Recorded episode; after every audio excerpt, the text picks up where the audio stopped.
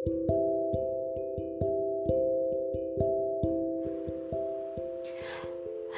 Ha, aku Vanilla Latte. Pernah denger nggak? Kalau belum pernah, coba dengerin audio singkat ini dong. Maunya kamu peka tanpa aku harus bicara. Tapi ternyata gak peka. Hai, selamat malam buat orang-orang yang malam ini sedang menghabiskan waktunya untuk rebahan, menatap langit-langit sambil memikirkan sesuatu yang seharusnya tidak dipikirkan atau biasa disebut overthinking. Kembali lagi di podcast Bisa Lara, bicara soal luka bareng Ara, episode 04. Nah, teman-teman sekalian, hari ini aku dapat kiriman cerita dari salah seorang bernama Ina yang memang ingin ceritanya dibacakan di podcast Bisa Lara ini. Oke, langsung aja ya. Selamat mendengarkan. Cerita ini dimulai ketika aku duduk di kelas 2 SMP. Saat itu aku merupakan anak baru yang duduk di sebelah dia. Waktu itu dia bilang ke aku, kamu punya tip X gak? Nah, aku langsung respect dia dan langsung memberikan tip X. Setelahnya saat itu pelajaran matematika. Di situ kayak semua orang nunjukin ih anak baru anak baru kayak gitu. Terus aku waktu itu maju ke depan karena aku emang belum dapat materi yang lain. Jadi guru matematikanya mau jelasin ke aku. Waktu itu di belakangku antri banyak banget murid lain. Dan emang mereka juga pengen tanya. Awalnya di belakangku ada temenku yang namanya berinisial A Nah, di belakangnya si A ini ada dia. Aku waktu itu masih ngira kalau yang di belakangku si A. Tapi ternyata pas aku duduk, kok jadi dia gitu. Aku heran dong, ternyata si A jadi pindah ke belakang. Terus waktu itu dia tanya, sambil ngerjain soal, ya karena aku saat itu gak tahu Aku baru masuk banget. Terus dia tanya ke guruku sambil senyum. Nah, senyumnya itu ke aku. Tapi emang waktu itu aku nggak peka banget. Aku mungkin baru peka ketika semester 2 akhir dan mau naik ke kelas 9. Soalnya dia gak pernah ganti posisi tempat duduk. Jadi kayak kita selalu sebelahan, Rah aku pernah suatu hari itu tidur. Ya karena aku sakit nangis sambil nelungkupin muka ke meja gitu. Ternyata saat itu dia ngeliatin aku dan sumpah aku deg-degan banget gitu. Pada waktu itu aku kayak ngeyakinin diriku sendiri. Aku nggak mungkin kan suka sama dia. Aku tuh anak baru dan aku juga baru banget kenal dia. Nah, dari situ dia kayak apa-apa nanya ke aku, kamu ngerti nggak? Ini masalah mata pelajaran. Nah, akhirnya ketika aku nggak ngerti, dia yang ngejelasin. Jujur ya, dia memang anak yang pintar. Ya, karena dia selalu ranking satu terus. Akhirnya kita beralih ketika aku duduk di kelas 9. Di sana teman-temanku udah mulai kayak ngeceng-ngecengin gitu antara aku dan dia. Cuma saat itu aku dan dia belum deket. Kita belum chatan. Palingan kalau chat cuman sekedar bahas tugas. Soalnya dia sekelompok terus sama aku. Suatu hari ada kejadian di mana saat itu mata pelajaran seni budaya. Aku malu dan emang gak bisa kalau disuruh nyanyi di depan orang. Kemudian dia nyemangatin aku dan ngeyakinin kalau aku pasti bisa. Jadi aku latihan. Terus diajarin deh. Waktu maju ke depan, sumpah aku deg-degan banget sampai suaraku juga ikut gemeter. Nah, dari belakang, dari bangkunya, dia menatap ke arahku dan berkata melalui gerakan bibirnya, "Gak apa-apa, santai aja." Dan saat itu aku kayak, "Ya ampun, gak tahu mau ngomong apa." Sebenarnya saat itu ujian akhir. Nah, jadi kayak seni budaya, kita disuruh maju satu-satu, nyanyi satu-satu buat ujian akhir. Aku waktu itu nyanyi lagu berbahasa Korea. Ya, aku kan memang suka banget nih sama Korea. Sesuatu yang berbau-bau Korea. Dan saat itu aku nggak tahu kenapa milih buat nyanyiin lagu Korea. Nah, lagu Koreanya itu juga tentang cinta. Awalnya aku ngeliat dia tidur. Tapi pas aku nyanyi, Tiba-tiba aja dia membuka matanya dan melihat ke arahku. Aku yang tadinya biasa aja ketika menyadari hal itu seperti deg-degan. Aku takut banget suaraku yang tadinya stabil tiba-tiba berantakan. Di sana aku udah mikir, aduh, nilaiku pasti bakalan jelek banget. Nah, di situ guruku langsung bilang, "Udah, duduk aja." dan dia malah ketawa. Sekarang beralih di masa aku dan dia mulai chatan. Waktu itu hari terakhir kelulusan di SMP. Kami seangkatan pergi ke villa. Nah, waktu itu aku pengen banget memberikan sesuatu untuknya sebagai tanda perpisahan. Jadi, aku kayak ada nyimpen bunga kering dari kelas 2 SMP Soalnya aku mikir, oh ini bagus nih kalau buat pembatas buku. Terus bunganya aku laminating dan aku kasihin ke dia buat perpisahan. Karena aku mikir kita gak mungkin satu SMA yang sama. Terus dari situ dia baru chat aku, dia ngomong, makasih ya buat pembatasnya aku simpen. Akhirnya cerita ini beralih ketika aku sudah duduk di bangku SMA. Awalnya aku bersekolah di SMA lain, di mana ketika itu aku selalu dibully. Aku kayak selalu cerita ke dia, dan dia bilang, "Itu bukan salah kamu." Di situ posisinya dia yang selalu ada buat aku. Dia kayak pengganti orang tua menurutku. Sampai-sampai aku gak bisa kalau gak cerita sama dia. Dia adalah orang yang tahu segalanya tentangku. Hanya saja dia punya satu mimpi. Dia pengen ke luar negeri. Pengen kuliah di luar negeri. Aku gak bisa ngehalangi. Akhirnya dia belajar belajar mati-matian ketika SMA. Tapi waktu SMA dia gak dapet ranking. Akhirnya dia down banget dan parahnya saat itu aku juga lagi down. Kita sama-sama down. Akhirnya bingung mau nyemangatin. Di situ kita bingung banget gimana cara nyemangatin satu sama lain.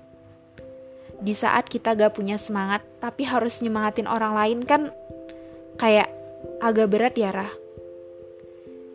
Jadi waktu itu aku dibully dia rankingnya turun gak bisa dong kalau keluar negeri kayak gini. S1 di luar negeri gak akan bisa dapat beasiswa. Terus aku ngomong ke dia kayaknya kita harus fokus ke masing-masing aja waktu itu kita sedikit lost kontak selama 6 bulan mungkin 6 bulan lebih sampai ranking dia naik kembali aku pada akhirnya pindah ke sekolah dia. Terus pas masuk aku diajak teman SMP ku ke kelas dia. Tahu gak sih, aku nervous banget. Jadi aku cuman bisa duduk. Terus aku ngobrol dan nanya ke dia apa kabar. Dan waktu ngobrol itu bukan ngobrol secara langsung, Rah. Itu ngobrol lewat chat. Bayangin aja. Dia di belakang aku. Saking deg-degannya kami gak bisa ngomong secara langsung. Besoknya aku juga jadi deket sama anak kelasku. Kayak aku udah punya banyak temen di kelasku. Aku ngerasa akhirnya aku lebih bahagia. Udah gak dibully lagi. Dan dia tuh setiap istirahat selalu lewat kelasku. Kayak OMG, bahkan aku selalu lihat dan ketika itu dia tersenyum tapi dia sama temennya setiap istirahat lah padahal kalau lewat kelasku dia kayak muter dan itu jauh. Nah aku juga mau cerita. Aku kan les. Tempatku les itu deket banget. Jadi kalau naik motor tuh sayang ongkos. Dan dia selalu nganterin tapi jalan kaki. Terus dia balik lagi ke sekolah baru setelahnya pulang naik motor. Ya nggak setiap hari, cuma waktu dia kosong aja. Pernah suatu hari ada pertandingan antar kelas. Saat itu aku datang buat lihat dia main. Tapi dia nggak nyapa aku sama sekali. Padahal aku udah rela-relain datang dan pulang sore cuman buat lihat dia. Terus aku les. Aku kesel banget saat itu. Nah besoknya pas kelasku main dia datang buat lihat. Dia juga ikut nyorakin IPA 7, IPA 7. Sampai teman-temanku tuh heran. Itu siapa sih? Soalnya kalau di SMA 8 itu ada geng namanya IPA 1 sampai IPA 5 dan IPA 6 sampai IPA 9. Soalnya kita beda sisi gedung. Kan jauh banget tuh Rah. Dia IPA 3, aku IPA 7. Nah, pastikan temanku heran ada anak gedung sebelah ikut nyorakin. Ya otomatis mereka bingung. Dan saat itu aku diem aja. Cuma kita chatan di saat itu. Oh iya Rah, kamu percaya atau tidak, aku gak pernah main sama dia berdua. Jalan berdua gitu gak pernah. Selalu sama teman. Oke, okay, sekarang kita bicara ketika kelas 3. Nah, pasti kan pengen masuk univ terbaik. Ketika kita kelas 3 itu pasti pikiran kita kita harus masuk univ terbaik. Kayak gini. Kayak gini. Akhirnya kelas 3 itu aku dan dia mulai lost kontak.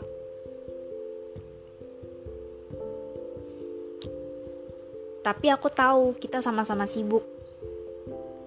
Meskipun masih suka chat, cuma jarang banget lah Menurutku itu masa terberatku.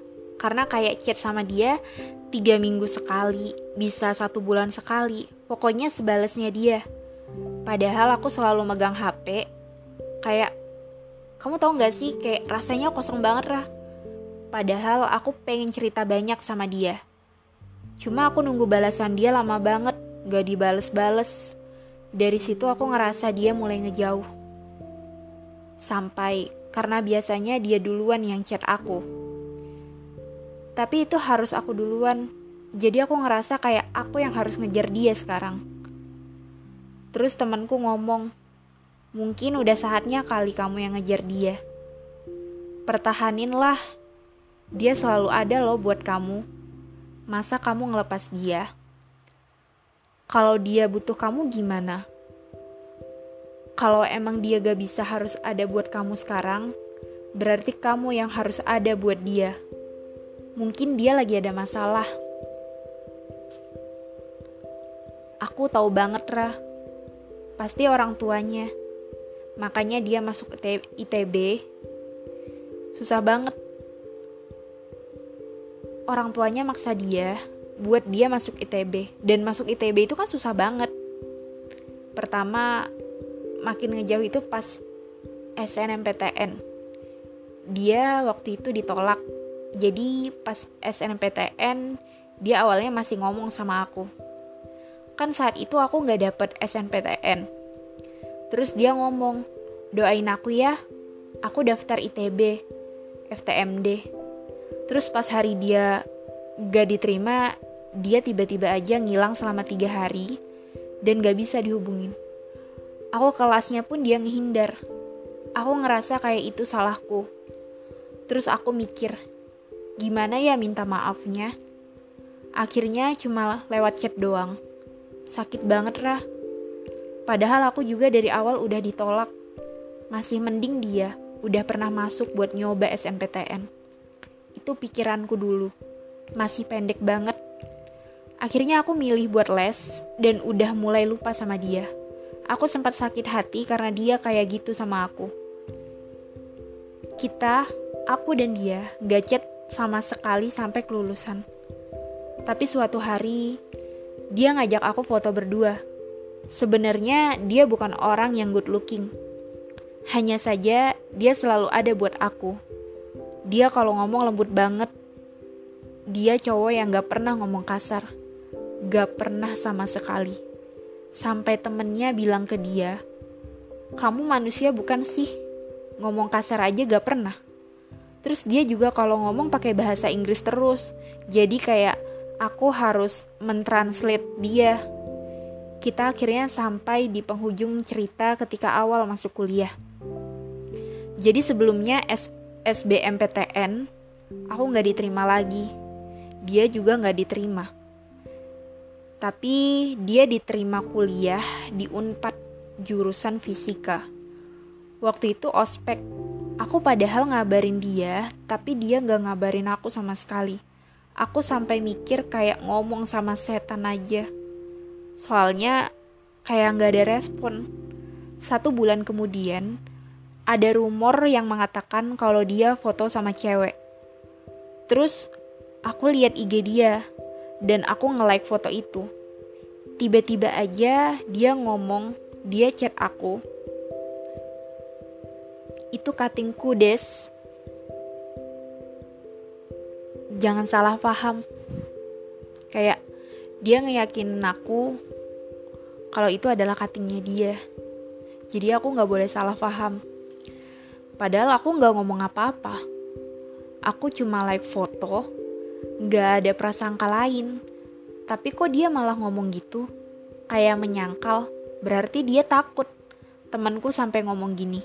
Kayaknya sih ada sesuatu, cuman dia nutupin aja.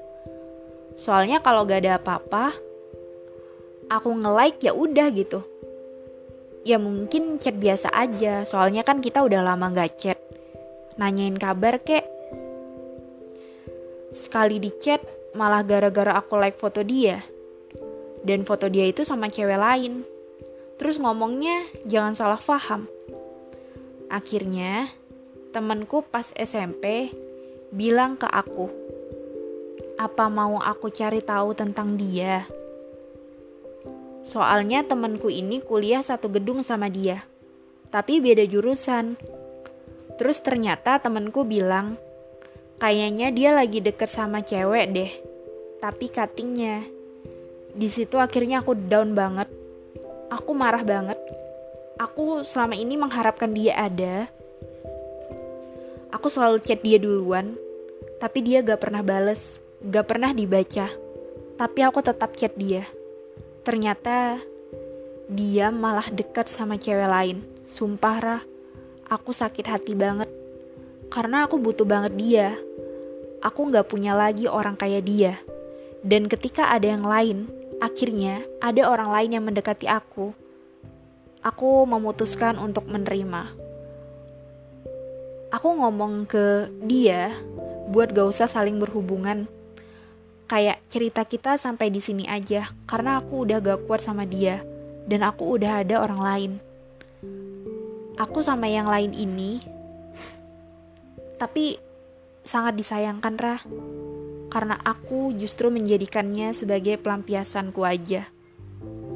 Aku, aku belum bisa suka sama dia, karena aku gak tahu aku ngerasa kalau orang yang sama aku itu baik banget dia tulus tapi aku jahat banget Rah Nah, teman-teman, itulah tadi cerita dari uh, seseorang yang mengirimkan ceritanya di aku, yaitu Ina. Menurutku, Ina, kamu gak salah kok. Ya, memang mungkin saatnya kalian saling saling melepaskan hubungan kalian mungkin sampai sini aja, sampai situ aja. Memang udah saatnya kamu berada di lingkungan yang baru dan dia berada di lingkungan yang baru. Oke, okay. aku rasa untuk cerita malam ini kita cukupkan sampai di sini. Sampai ketemu di episode-episode Bisa Lara selanjutnya. Aku Ara, sampai jumpa dan bye-bye.